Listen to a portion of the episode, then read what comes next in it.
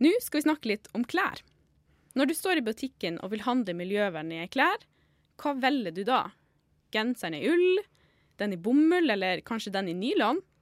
Er det kanskje sånn at den gode, gamle ulla er en større miljøversting enn nylon? Ekspertene blir ikke enige, men vi skal prøve å bli litt klokere i dag. Og for å hjelpe oss med det, så har vi med Ingunn Grimstad Klepp, forsker ved Statens institutt for, for Nei, ved Institutt ved Høgskolen i Oslo og Akershus, som har bytta navn. Velkommen i studio. Tusen takk.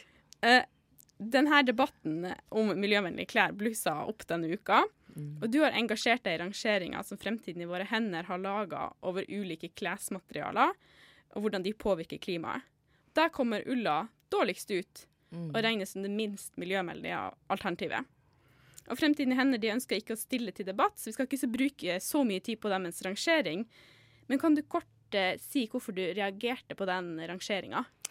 Ja, det er fordi at ingen klær er miljøvennlige. Eh, Og de klærne som bør kjøpes, det er de klærne som du liker, og som du vil bruke riktig lenge. Eh, Og derfor er det å rangere de forskjellige fibrene opp mot hverandre eh, galt. Det er riktig å be folk om å gjøre det som monner, og ikke det som avsporer debatten. Eh, Og det som monner, det er at vi slutter å kjøpe det vi ikke kommer til å bruke. Mm. Men hvordan er det egentlig man beregner hvor miljøvennlig et plagg er? Ja, eh, det er eh, Man sammenligner jo da belastningene. Og det ordet som ofte brukes på dette, er LCA, Life Cycle Assessments. Og i ordet så dreier jo det seg om et livsløp. Eh, men i praksis så er det veldig dårlige LCA-er på tekstiler. Eh, og det er ikke LCA-er over hele livsløpet. Det er først og fremst produksjonen eh, som blir sammenlignet. Eh, og når man skal da sammenligne produksjon, så må man jo ta med ulike former for miljøbelastning, der- deriblant klima, altså andre former for miljøbelastninger. Eh, og det er store diskusjoner og mye uenighet selvfølgelig om hva som skal telle mye, og hva som skal telle lite, og også hvordan man da f.eks. skal fordele eh, miljøbelastningene fra f.eks. da sauehold på ulike varer fra den samme produksjonen, sånn som f.eks. kjøtt og ull. da. Nemlig. Eh, men holdbarheten på et plagg, det må jo være noe man tar med seg. Det er det dessverre ikke. Eh, det er faktisk slik at eh, en veldig viktig del av miljøbelastningene fra, fra klær, det er vasken. Den er ikke med. Og det er heller ikke med levetid. Og når du tenker på at hvis du bruker et plagg La meg si én gang, eh, eller om du har et plagg, et tilsvarende plagg, og bruker det la meg si tusen ganger, så er det tusen ganger forskjellig, altså større miljøbelastning på den som du brukte én gang, ikke sant? Per gangsbruk. Og det er jo det tallet som er eh, det viktige i, i forhold til miljøbelastning. Og det eh, gjøres ikke. Det som gjøres er en ensidig fokus eh, på produksjon, og levetid er ikke med. Men uh, ulla er jo et av de minst slitesterke uh, tekstilfibrene. Øker ikke det miljøbelastningen da? Ja, øh, tekstil Den er ikke av de mest Altså, Ull er ikke av de svakeste tekstilfibrene. Vi har mange tekstilfibre som er mye, mye svakere. Eh, men den er mye svakere enn eh, polyester og nylon, som er veldig sterke materialer. Så det er riktig. Eh, men på den annen side så er det slik at når vi bruker klær, eh, så er det slett ikke slik at vi nødvendigvis bruker det plagget som er sterkest lengst. Det er faktisk slik at vi, de vi bruker de klærne vi liker lengst. Sånn at selv om skal vi si, bilbuksa fra begynnelsen av 80-tallet eh, i polyester fortsatt er sterk nok til å kunne bli brukt i 100 år til, så er det slett ikke sikkert at, eh, at du vil arve den buksa av bestefaren din. Det kan simpelthen hende at du ikke syns den er noe fin. Så, så klær har en sosial levetid og en fysisk levetid, og begge delene er, er viktige. Eh, og hvis ikke folk liker klær, så bruker de dem altså ikke, selv om de er sterke. Nei. Nei, det er klart. Vi slipper ikke ulla helt enda, for selv om det kanskje ikke er en miljøversting, så peker fremtiden i våre hender på at eh, ulla som brukes i norske klær, i hovedsak kommer fra merinosauen, som lever på den andre siden av jorda. fordi den norske ulla er for grov for norske, hva norske forbrukere ønsker. Det er jo ikke et særlig sånn kortreist materiale da. Eh, transport er en veldig liten del av den totale miljøbelastningen. Eh, og eh, transporten når det gjelder tekstiler er oftest veldig, veldig stor. Altså man frakter de aller fleste materialer verden rundt. Um, og ikke bare det, men vi skal jo også da frakte dem tilbake igjen når vi bare har brukt dem noen få ganger. Det er jo et mye større dilemma enn at de blir først eh, fraktet hit. Så det vi må gjøre, det er å få det ned på det nivået vi trenger. Uh, når det gjelder forholdet mellom merino og norsk ull, uh, så er det slik at ja, merino har tynne fiber og er dermed egnet for kroppsnære produkter i dag, fordi folk har jo blitt så følsomme. Eh, så det er, eh, er, en god ting at vi har, har den typen ull til det. Og så har vi et eget ansvar overfor våre egne sauer og de rasene vi har i Norge, for å ta vare på den ulla på en god måte og lage gode klær som passer til den ulla vi har. Og dette gjelder alle råvarer, altså at det er viktig å bruke råvarene til det det passer til, og ikke det det ikke passer til. Og det gjelder ikke bare ull, men det gjelder også de andre tekstilfibrene. Eh, slik at mitt poeng er ikke at vi ikke skal bruke eh, et spesielt eh, fiber, men at vi skal bruke materialene til det det passer til. Det er jo så utrolig vanskelig og mange hensyn å ta når man skal kjøpe miljøvennlige klær. Skal vi bare følge merkinga til klesprodusentene, som f.eks. Tuftes og Stormbergs bambusplagg, eller HMs Kanskjes-kolleksjoner, Svanemerket. Hva, hva, skal vi velge? Mm, ja. Um, for det første så er det slik at uh, man bør ikke ikke kjøpe ting av, av ting som ikke burde være solgt, altså ulovlige produkter.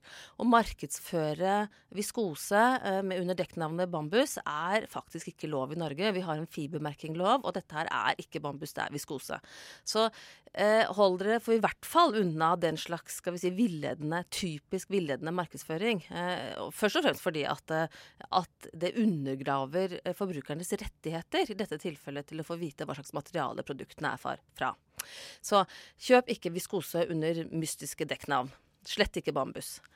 Eh, så det er det ene. Det andre er at hvis man ønsker å kjøpe noe miljøvennlig, som du sier, eh, så har man i og for seg eh, bare et valg, og det er å skaffe seg ting som har vært brukt før. Altså at det er ikke du som står for det nye kjøpet. Det er det beste, fordi du da ikke bidrar til økt produksjon. Eh, det nest beste er selvfølgelig å bruke offisielle miljømerker. Eh, det er det dessverre lite av på, klær, men det finnes eh, noe. Men det aller, aller viktigste er kanskje likevel at du bare kjøper det, eller anskaffer deg det, som du virkelig, virkelig har lyst på, og som passer. Ikke engang når du har blitt fem kilo tynnere, eller når du har begynt å bruke kjole, for det er jo sikkert hyggelig å gjøre det av og til og sånn. Men når du faktisk kjøper noe du liker i dag, og som du kommer til å bruke i dag, og som du vet at du kommer til å bruke lenge. Det er det som vil bidra til færre klær eh, på sikt, eh, og som er det beste for miljøet.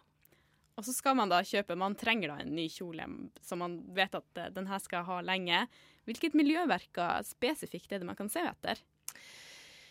Ja, eh, de miljømerkene vi har på tekstiler er delvis i hvert fall de samme vi har på andre produkter, sånn som eh, Svanen og Blomsten og den typen merker. Og det er nok få kjoler i de, eh, i de merkene. Så her igjen så er det nok bruktmarkedet som er det som er enklest å, å gå til. Hva bør vi spesifikt se etter når vi studerer lappen inn i et plagg, som forteller oss hvilket stoff plagget er laga av? Ja, eh, der er det jo slik at det vi får vite på fibermerkingen, da, det er bare fiber. Altså bare, bare fibrene. Ikke kjemikalier, ikke fargestoffer, ikke, ikke alt det andre som, eh, som, produktet inneholder. Og sånn sett så er fibermerkingen ingen innholdsdeklarasjon, slik som vi er vant til f.eks. fra mat. Eh, når det gjelder eh, fibrene, så har de ulike egenskaper, og de må jo da passe til det du ønsker å bruke plagget til. Det er vesentlig. Eh, og eh, det er vanskelig å svare hva du skal se etter når jeg ikke vet hva det er du er på jakt etter. ikke sant? Eh, hvis vi nå tenker oss at det er en, fortsatt er en selskapskjole du ønsker, eh, så eh, vil jeg f.eks. Eh, tenke at det er viktig at den ikke så lett blir skitt at den ikke så lett lukter vondt, at den ikke, eh, ikke så lett eh, blir nuppete. Altså, det er forskjellige sånne type ting som du da kan være opptatt av. Eh, og eh, i forhold, til, eh, i, forhold til, disse tingene så vil eh, nupper vil ofte være knyttet til blandingsmaterialer, altså naturfiber sammen med syntetiske materialer. Lukt er et problem vi har i syntetiske materialer. Um, og hvorvidt noe blir, må vaskes ofte, kommer jo også an på materialene. Der er, uh, der er også ull bra på samme måte som for lukt. Så det er, det, er, knyttet opp til de si, hensiktene påkledningen har. Hva med de som lager klærne? Det er jo godt kjent at det er mange problemer som handler om sikkerhet, levelønninger og uverdige arbeidsforhold mm. blant arbeidere på mm. klesfabrikker. Er forholdene til de som lager klærne også med i regnestykket, når vi først skal snakke om etisk forbruk? Eh, ja, det er store etiske utfordringer, ikke bare i fabrikkene, men ikke minst også i råvareproduksjonen, f.eks. bomullsproduksjonen. Så ja, vi har store utfordringer. Eh, den tekstile verdikjeden er absolutt ikke eh, renvasket. Um, når det gjelder det som Fremtiden i våre hender har lagt ut, så er det utelukkende energi, nei, klimabelastningen de har skrevet, snakket om. Altså forskjeller i klimabelastning. Det er jo ett spørsmål av veldig mange, eh, mange, spørsmål. Men når det gjelder forholdet mellom ulike plagg og hvordan de er sydd, da, som du tok opp, så er det jo ikke slik at, at klær i ull er sydd på en måte og klær i eh, polyester er sydd på en annen måte. Eh, de kommer jo tross alt på mange av de samme fabrikkene, bortsett fra da at noe er strikket og noe er vevet. Mm. Men eh, det er jo utrolig vanskelig å finne ut av. Det er mye jobb som ligger bak for å kjøpe et miljøvennlig plagg. Hva vil du si at det aller mest miljøvennlige plagget å velge? Ja, det er jo da det plagget du liker best. Eh, og det er den samme utfordringen industrien har.